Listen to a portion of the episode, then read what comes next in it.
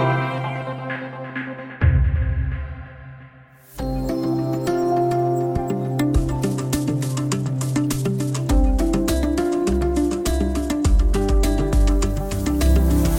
Sverige är inte bara ett land som människor flyr till, det har också blivit en plats som människor flyr ifrån. Afghanska flyktingar som inte beviljas uppehållstillstånd lämnar Sverige för andra EU-länder. I Frankrike är möjligheterna att få stanna mycket större. DNs Niklas Orenius och Alexander Mahmoud följde med utvisningshotade Ali på hans flykt från Sverige. Ali fick hjälp av svenska aktivister som hjälper afghaner med tips och information, pengar och biljetter. Aktivisterna själva riskerar att dömas för människosmuggling men tycker att vad de gör är rätt i humanitetens namn. Välkommen till Studio DN. Jag heter Sanna Thorén Björling.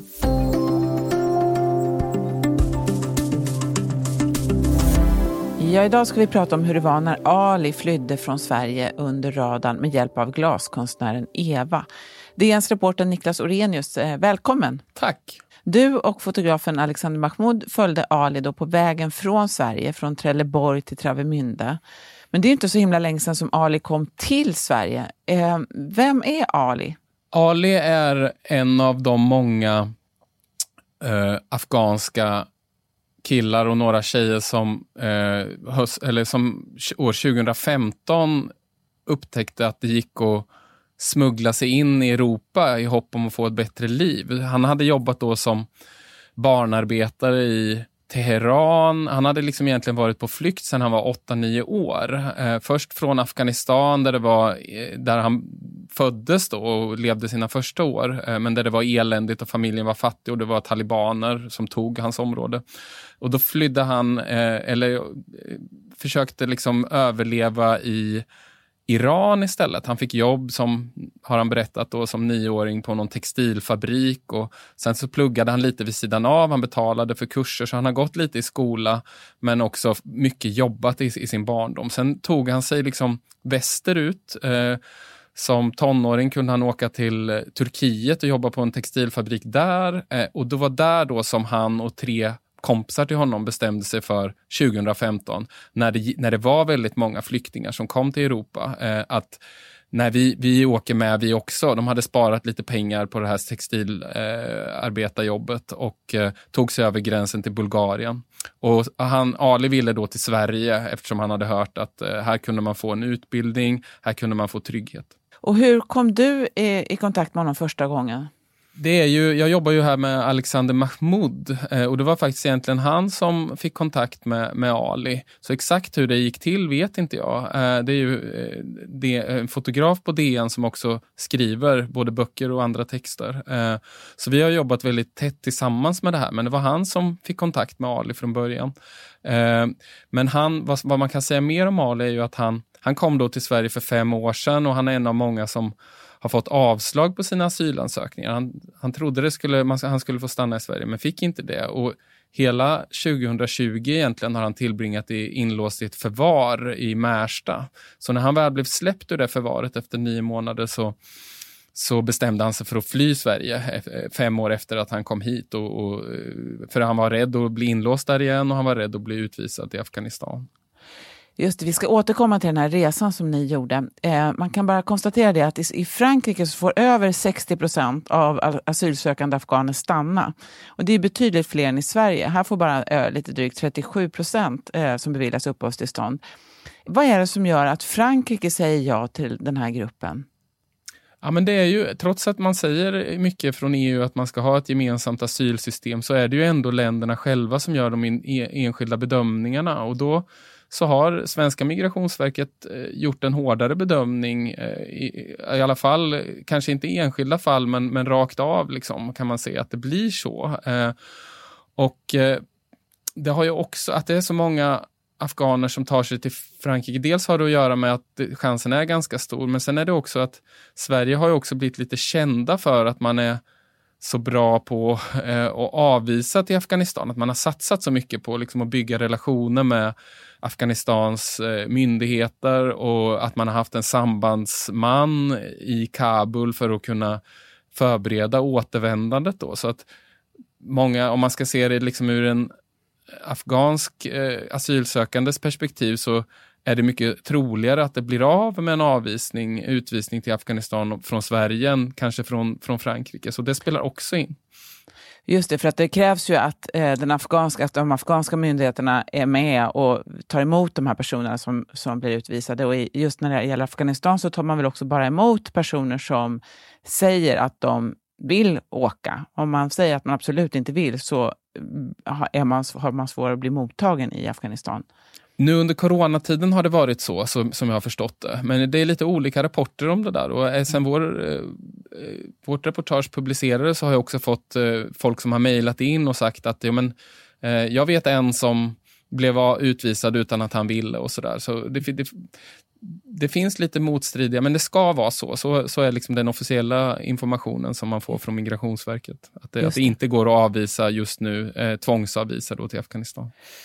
Och på förvaret då, där får han kontakt med eh, en kvinna som heter Eva Holsten. Vem är hon?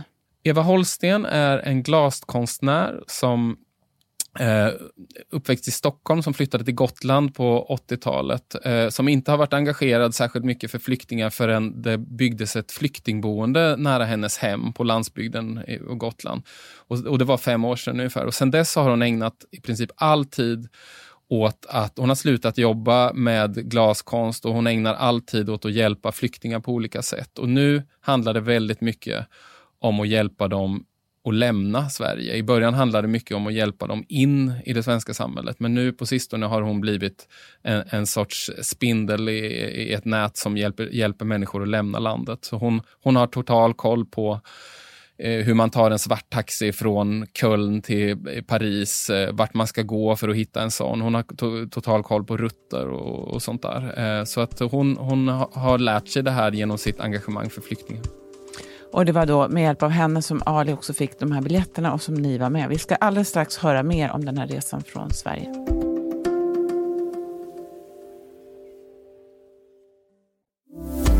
Vi pratar med Niklas Orenius, reporter på DN, om eh, en färja från Trelleborg till Travemünde. Du, när ni åkte med Ali där, hur, kan inte du berätta lite om hur var stämningen på den här resan?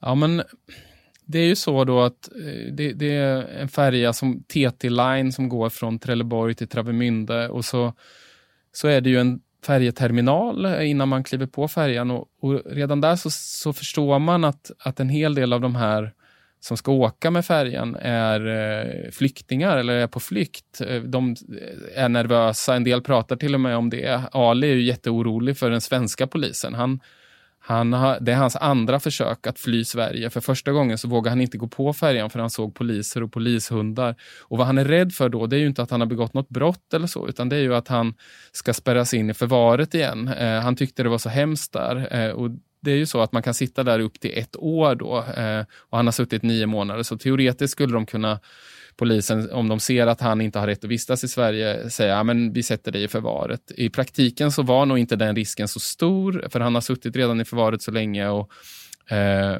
men, men han, han har den här rädslan för polisen, så att han, och det har många andra också då som, som ger sig av. Man vill liksom inte hamna i förvaret och, och riskera utvisning igen, utan man försöker hellre komma till något annat land.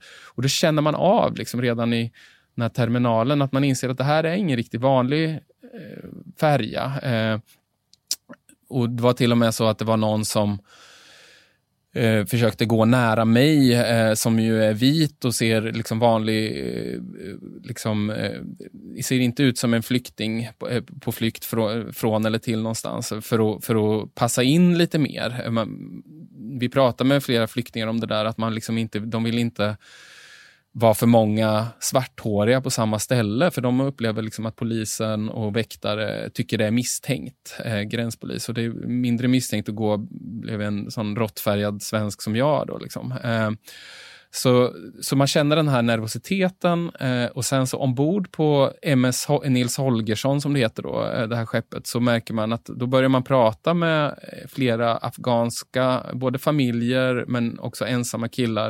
Det finns någon kurdisk familj som har bott i Halmstad. Och då är det människor som, de, man pratar ju svenska med dem, de har varit i Sverige länge, men har inte rätt att stanna och har fått flera avslag. Och så försöker de och, och så pratar de om den tyska gränspolisen. Hur mycket pengar tar de om man fastnar där? Det finns någon avgift med, på 150 euro som är straffavgift om man tar sig in i landet eh, illegalt, då, vilket de ju gör. Så de hoppas ju undvika tyska polisen också då. Eh, för att många vill ta sig vidare till till eh, Paris då, så småningom och till Frankrike. Men, men det är så himla slående just att det blir så absurt också på ett sånt här skepp som är gjort för nöjen egentligen. Liksom det är de här heltäckningsmattorna, det är liksom enarmade banditer, det är bar och det är fo fotboll på tv och folk som slappnar av. Och så sitter de här svinrädda flyktingarna och eh, det sitter någon liksom, eh, afghansk kille som har jobbat som kock eh, på en svensk restaurang som försöker gömma sina pengar för att han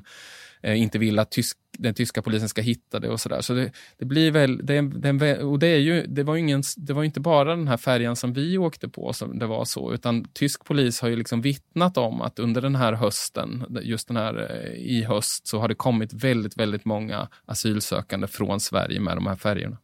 Hur många har det kommit?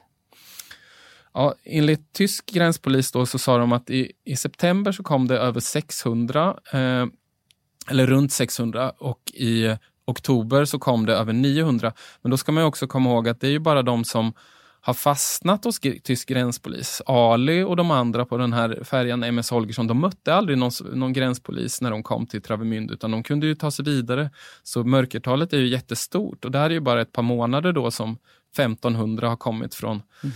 Sverige. Och de eh, tyska gränspolisen har hört av sig till svenska migrationsverket och liksom sagt det här att eh, vi ser det här hända. Eh, så att det är ju, och det korresponderar också med vad man ser i Sverige då från svensk gränspolis att det är många som eh, som har varit eh, papperslösa i Sverige, som liksom har levt eh, i det svarta, liksom utanför samhället, som nu vänder sig till polisen och säger att nej men jag ger upp, jag vill åka hem, jag vill eller åka tillbaka till Irak eller till, till Afghanistan.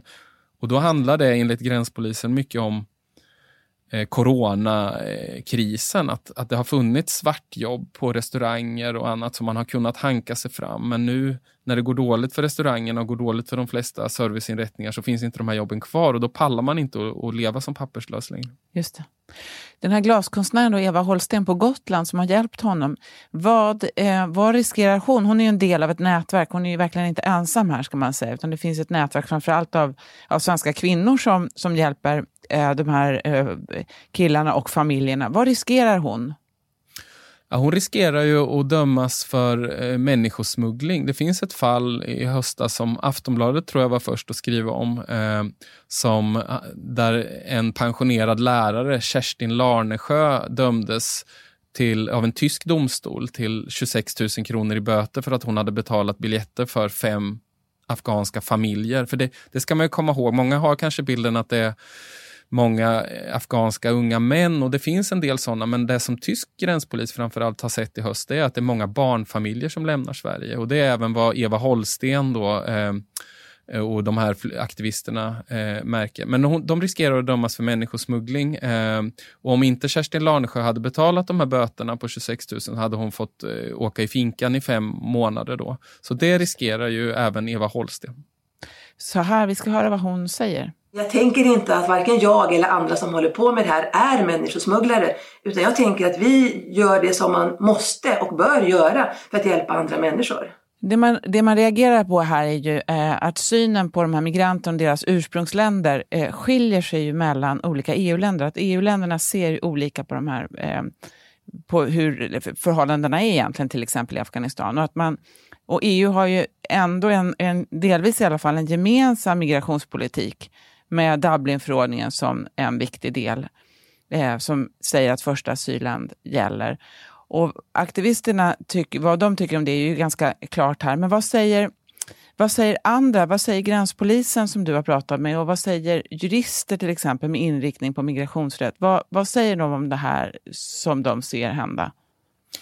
Nej, men jag tror, då, då, flera som jag har pratat med, forskare och även gränspoliser, säger ju att det, det är egentligen rätt naturligt att det sker sådana här förflyttningar. För även om man säger att man har gemensam asylpolitik så, så, kommer det ju alltid vara, alltså det är ju ändå nationella migrationsverk i de olika, eller nationella myndigheter som prövar det här och det är liksom ingen som verkar vilja ändra på det. Eh, Och Det är uppenbart också att Eh, sen är det också så att även om Dublinförordningen säger att man ska skickas tillbaka till första asylland, men det görs inte alltid, eh, eller ganska sällan görs det, eh, har jag märkt nu eh, när jag har tittat lite närmare på det där. Eh, och, och, Om det beror på att man inte riktigt prioriterar det så hårt från eh, Tyskland och Frankrike, eh, det kan det bero på, men det kan också bero på att en del ansöker om asyl och blir ett Dublinärende och sen går man under jorden sen i Frankrike eller Tyskland och kan man hålla sig borta då i 18 månader eh, då går liksom ansvaret över till andra asylland. Så, att, så är många som, som använder. Och vad gränspolisen då, chefen för gränspolisen säger i Sverige, det är ju att ja, men han ser det här som ganska naturligt. Det som har hänt då, som man kan se, det är ju att förr var det kanske till Sverige som folk sökte sig eh, för att få en andra chans. Eller för att få en... Eh, att det var liksom som man hade hört att Sverige, eh, eh, där kan man få stanna, där kan man få eh, en trygg hamn. Nu är det ju andra länder, så det är just det där att, att man lämnar Sverige som är lite nytt. Liksom. Att Sverige har, som du sa inledningsvis, har blivit ett land som man faktiskt flyr ifrån för man inte vill Eh, att Sverige liksom, eh, har en väldigt låg beviljandegrad eh, jämfört med EU-snittet nu. Och det är ju någonting som har hänt sedan 2015. Just det. Ali han kom då eh, till Travemünde och tog sig vidare till Köln. Han bestämde sig för att inte åka hela vägen till Paris för att livet där är ofta väldigt hårt då med tältläger och svartjobb, ibland i flera år. Vi ska höra lite grann bara vad han säger själv. Om jag har ingen chans i Tyskland, jag ska gå tillbaka till Afghanistan. Det är okej, okay, men Afghanistan äh, arbetar än Märsta förvaret. Mm. Hellre Afghanistan än, än förvaret i Märsta. Eh, vad hoppas Ali på?